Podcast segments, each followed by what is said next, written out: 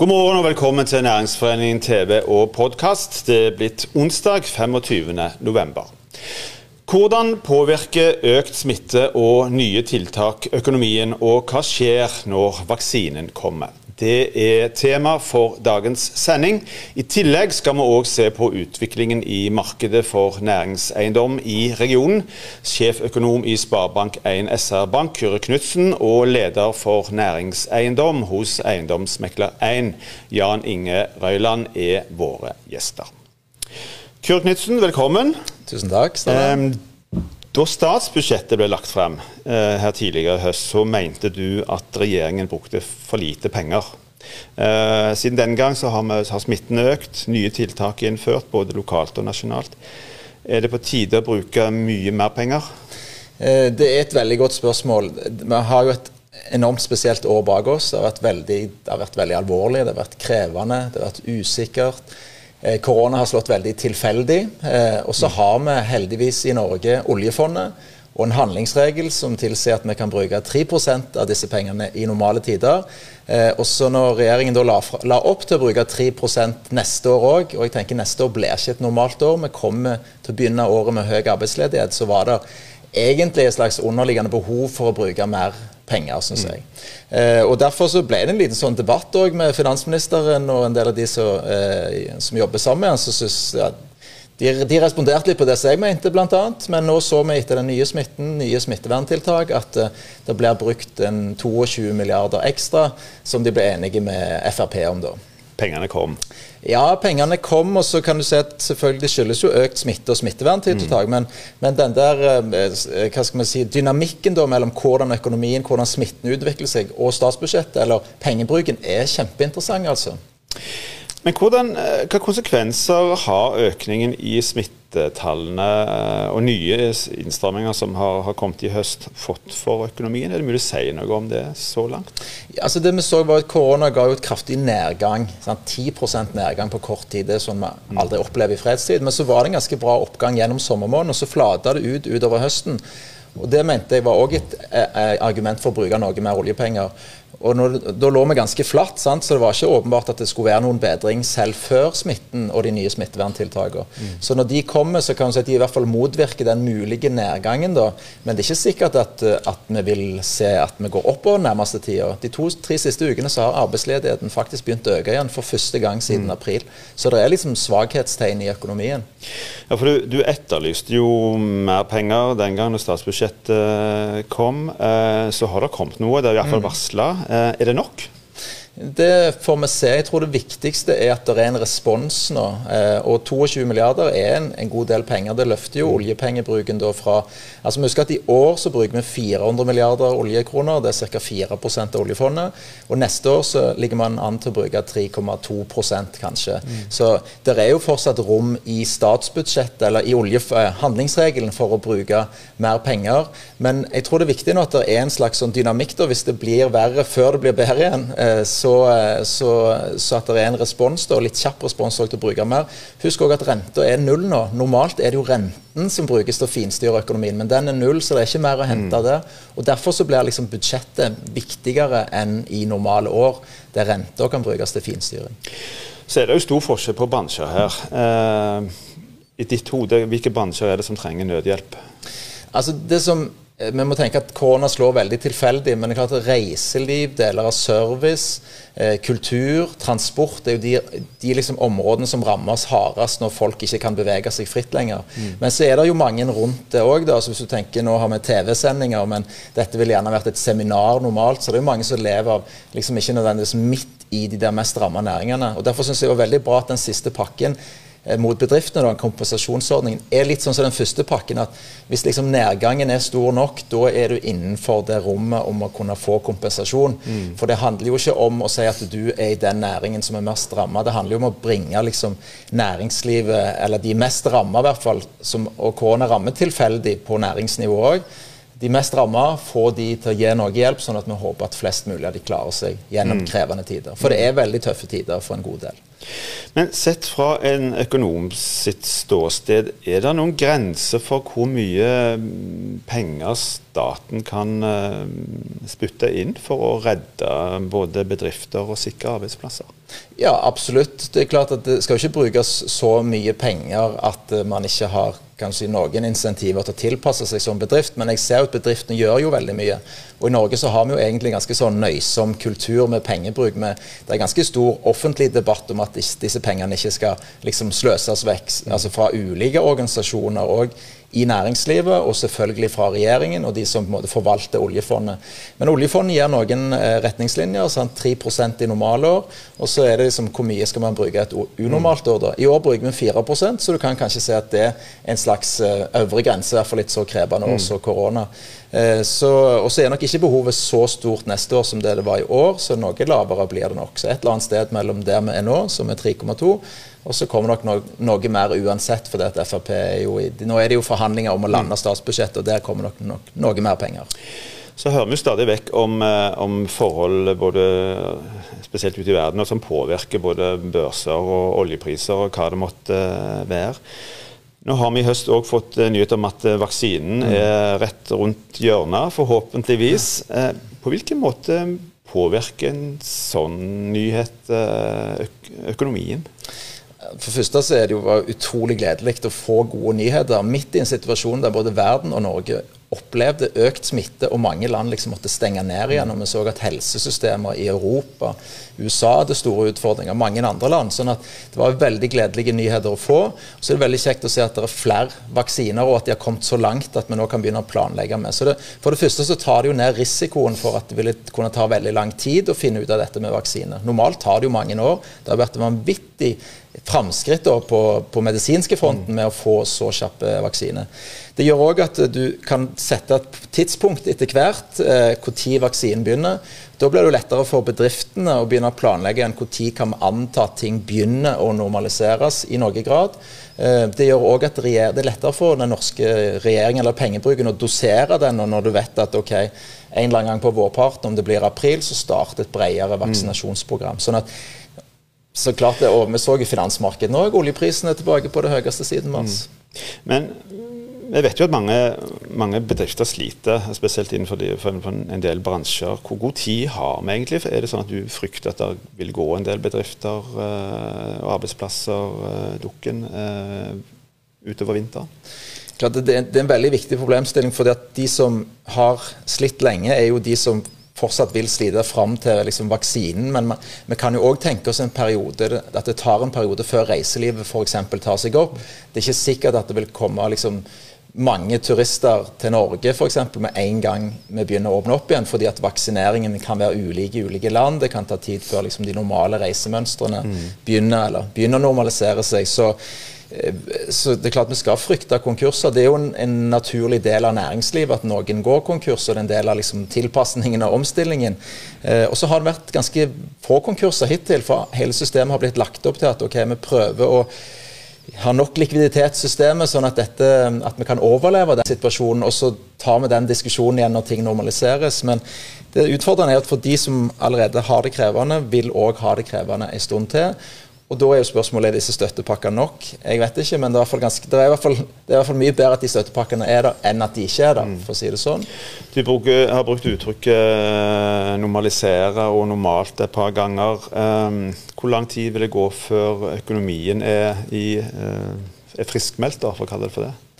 Si, uttrykket tror jeg er liksom når man begynner å normalisere. for Siden vi liksom lever under en sånn veldig spesiell situasjon, så er det vanskelig egentlig å si hvordan normal, den nye normalen blir. da. Men um, hvis vi bare gjør det litt sånn enkelt i forhold til norsk økonomi, økonomisk aktivitet i Norge, så faller den ca. 3,5% i år. Og neste år så venter en god del, inklusiv oss sjøl, en oppgang på omtrent det samme. Så i mm. slutten av neste år så er aktiviteten i norsk økonomi selvfølgelig usikker, den er jo betydelig, men da er en omtrent tilbake igjen til der vi var før korona. Men vi har jo òg mista to år med vekst, da, så det tar ganske lang tid igjen før vi liksom er tilbake på den banen vi var før korona. Mm. Og arbeidsmarkedet, som jo er veldig viktig, der kan vi jo se for oss neste år at selv om aktiviteten begynner å ta seg opp, så vil kanskje bedriften være noe varsomme med sysselsatte sånn. sånn at vi utfordringen her er hvis, liksom, hvis den, den, høye arbeidsledigheten forblir høy, eh, og at eh, mange mister tilknytning til arbeidsmarkedet. Det er jo en av de liksom, virkelig farene med en sånn eh, koronakrise som vi har opplevd. Mm. Helt til slutt, eh, Kure. Utviklingen i økonomien, bedrifter, arbeidsplasser, det påvirker jo òg et boligmarked og markedet for næringseiendom, som vi skal snakke om etterpå. Hvordan vil dette utvikle seg fremover, tror du? her i regionen? Ja, altså Boligmarkedet har vært veldig veldig interessant og spesielt. Vi hadde en liten koronaknekk til å begynne med, men så ble jo renta lav. Vi reiste mindre ut, brukte mindre penger ute. Så, så liksom privatøkonomien i snitt, da, selv om arbeidsledigheten er høyere enn normalt, så var liksom privatøkonomi i snitt gjorde at f.eks. boligmarkedet kom mm. ganske raskt tilbake igjen. Og vi har jo opplevd prisvekst nå som vi ikke har på mange år her i regionen. Og framover så tror jeg nok at noe vil være noe av det samme. Litt sånn fokus på det, de nære tingene. Vil støtte boligmarkedet òg her i området. Um, og når det gjelder næringseiendom, så uh, Det skal du slippe å få svare ja, på, for det skal vi, det skal vi ta nå. Si det at ja. Eh, min gode kollega skal snakke mer om det. Kurt Knutsen, tusen takk for at du kom til oss. Lykke til. Takk skal du ha, Ståle. I snart 20 år har Eiendomsmekler 1 utarbeidet undersøkelser om utviklingen i markedet for næringseiendom. Totalt dreier det seg om ca. 6,5 millioner kvadratmeter næringseiendom i regionen Stavanger, Sandnes, Sola og Randaberg. Jan Inge Røyland, velkommen til oss. Takk. Du er leder for næringseiendom hos Eiendomsmekler 1. Eh, litt kort først, hva er næringseiendom egentlig? Ja, næringseiendom det er all eiendom unntatt bolig og fritidseiendom som er eid av bruker. Mm. Eh, I denne sammenheng så snakker vi om eh, kommersielle segmenter som kontoreiendom, eh, kombinerte bygg, lagerverksted og handelseiendom. Mm. Det er de tre segmentene vi snakker om. Så har vi lagt, oss, lagt, lagt bak oss et uh, veldig spesielt år. Uh, hvordan har utviklingen vært dette, i dette markedet under denne koronapandemien? Altså i, altså i, 2020, som, som koronaepidemien har vært, eh, så har det vært en ganske stabil og flat utvikling. Vi har ikke sett vekst i ledighet, heller ikke noe særlig dropp i leiepriser. Så mm. det kan du si at I løpet av 2020 så har det vært en flat og stabil mm. utvikling. Så skal vi få opp en, en, um, en plansje som viser utviklingen over de siste Eller gjennom noen år. da. Eh, hvordan, eh, hvordan har den vært? Ja, altså vi, vi, har jo hatt uh, de siste årene på kontor spesielt en ubalanse med at vi har hatt for mye ledig areal. Det var en, uh, etter oljekrisa, altså fram mot 2017, så var det en vekst i ledigheten på kontor. Mm. Eh, vi hadde over 300 000 kvadratmeter kontor som står ledig, eh, og det toppa seg høsten 2017. Så har det gradvis gått litt nedover, slik at vi nå har 258 000 kvadratmeter kontor ledig. Mm. De andre segmentene, altså det som er kombinerte bygg og det som er handelsbygg, så er det mer balanse i markedet. Det ligger på mellom mm. rundt 5% ledighet. Så kunne vi høre i går eh, en trist nyhet om at eh, Ostehuset i Stavanger sentrum måtte gi opp, eh, har måttet gi opp driften på, på Domkirkeplassen. Er det grunn til å tro at vi får eh, flere sånne historier, mer ledige arealer utover vinteren, tror du? Ja, altså det, det, er klart at For bedrifter som blir så direkte påvirka, eh, omsetning og besøk, så det er klart at det er jo en risiko man gjør. Man løper. Eh, at det vil bli flere av de typer, spesielt innenfor handelssegmentet, mm. som vil få mer ledighet. Så det, er en risiko som man ser. Jeg tror ikke nødvendigvis på kontor og kombinerte bygg at man vil få så mye kjølvannet av, direkte av korona. Det må eventuelt være nedgang i sysselsetting og mindre aktivitet generelt. Mm. Så er det jo næ mye næringseiendom uh, både i sentrum og det er på Forus. Uh, er det noen forskjeller der altså, i, i, utviklingen på de ulike stedene? Ja, altså Det er jo Forus som først og fremst har hatt høy ledighet de siste årene. Det skyldes jo at det var en enorm vekst i, i perioden fra 2005 fram, 2005 fram til 2015. Det ble bygd veldig mye nytt. Eh, og det var veldig mye kontorareal. Og så når da oljeprisen falt, så ble jo mye av det arealet Bedriftene reduserte antall ansatte, og så gikk ledigheten ganske høyt opp. Spesielt mm. på kontor på Forus. Så Forus er jo det området som har høyest ledighet. Det er også det området i regionen som har høyest konsentrasjon av næringseiendom. Ca. 40% av all næringseiendom i Rogen er samla der. Eh, så har det vel den senere tid siste året er gått vil jeg si, bedre. Det har flata ut. Du har ikke vekst i ledigheten på Forus lenger. Eh, og den holder seg ganske stabil og er litt fallende. Mm. Eh. Vi hører jo stadig eh, vekk om eh, med utgangspunkt i både sentrumsplaner og andre ting. Eh, om nye prosjekter, kontorarbeidsplasser. Noen er ferdig, noen planlegges. Mm. når det er en del ledig, er det likevel et stort behov for nybygg, eh, og i så fall hvor? Ja, hvis du ser isolert sett på det som står ledig av kontor, så er det selvfølgelig ikke behov for mer kontoreiendom. Både på handel og på kombinasjonseiendom så må det være en tilførsel av nytt bygg, for der er det en stadig vekst. Mm. Men så er det det med nye bygg. Eh, det er jo med å prege byer, det er med å prege området. Og, og, og eh, det er nok behov for nye bygg, for ting ønsker å fornye seg. Eh, men så er det å finne balansen, så det kan ikke man bygge bygger for mye. Hvordan har prisutviklingen vært, enten ved kjøp av den type eiendom eller i forhold til leiemarkedet? Ja, hvis vi tar leiemarkedet først, så har jo leieprisen det har vært sånn at uh, På Forus har vi hatt en betydelig nedgang i leieprisene på kontor. Det hadde vel hatt et fall ned mot 40% Det ser vi nå har flata ut og er kanskje litt på vei opp igjen. Ellers i regionen så har leieprisene holdt seg ganske godt. Mm. Når det gjelder transaksjoner, eh, så har det blitt en ganske stor spredning nå i type eiendom. Hvis du har en god eiendom, dvs. Si at du har en f.eks. kontoreiendom med lang kontrakt med en solid leietaker, så er det pga. et så lavt rentenivå eh, og mange er interessert i å investere i den type eiendom, så har du et rekordhøyt prisverdibilde på eiendom. På de andre segmentene, hvis du ikke har så lang kontrakt og har så solid leietaker, så har du ikke fått den samme prisveksten. Nå har vi vært igjennom det som har skjedd frem til nå. Ehm, hva tror du om utviklingen eh, fremover? Det, ja, det er jo spennende. Den glasskula skulle gjerne kunne ha sett inn i og gitt et klart svar. Det som er sikkert på næringseiendom, er jo at du er avhengig av en underliggende vekst i sysselsettinga. Det må være aktivitet i næringslivet. Det er jo det som fyller næringsbygg med aktivitet. Så Det er jo det viktigste parameteret å se på. Og Det er det ulike prognoser for. Vi har jo hatt et tøft 2020. Men vi håper at veksten kommer tilbake. Eh, det er jo også dette med nybygg, hvor mye nybygg som blir tilført markedet. Hvis det blir for mye, så vil jo ledigheten stige hvis ikke du klarer å få en tilsvarende vekst i antall arbeidsplasser. Så, så, eh, men jeg, jeg syns det er positive ting som skjer. Eh, Forus har vi i løpet av dette året her sett at det er flere små gründerbedrifter som har etablert seg. Mindre bedrifter.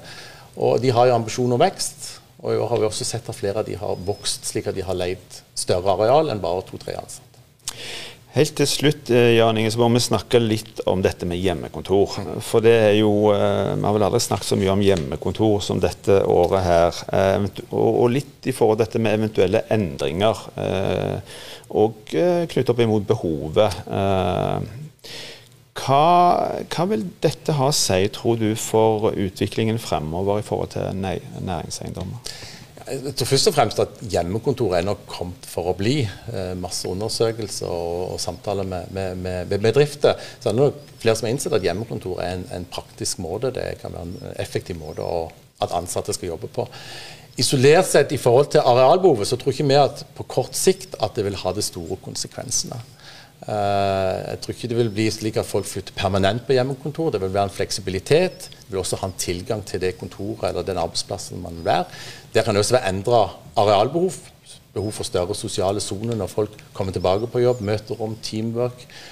Og så er det et moment som jeg tror er litt undervurdert. Det er dette med reising. Nå vet vi ikke hvordan det vil bli i framtida, men nå er det jo langt færre som er ute og reiser. Dvs. Si det er flere folk på kontoret. Det er ikke 10-15 som til enhver tid er på reis.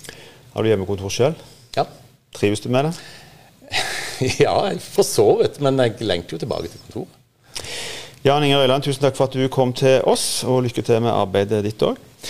Da er òg denne sendingen slutt. Takk for at du så på oss. Vi er tilbake igjen i morgen på samme tid. Og husk i mellomtiden, hold avstand, ta godt vare på hverandre.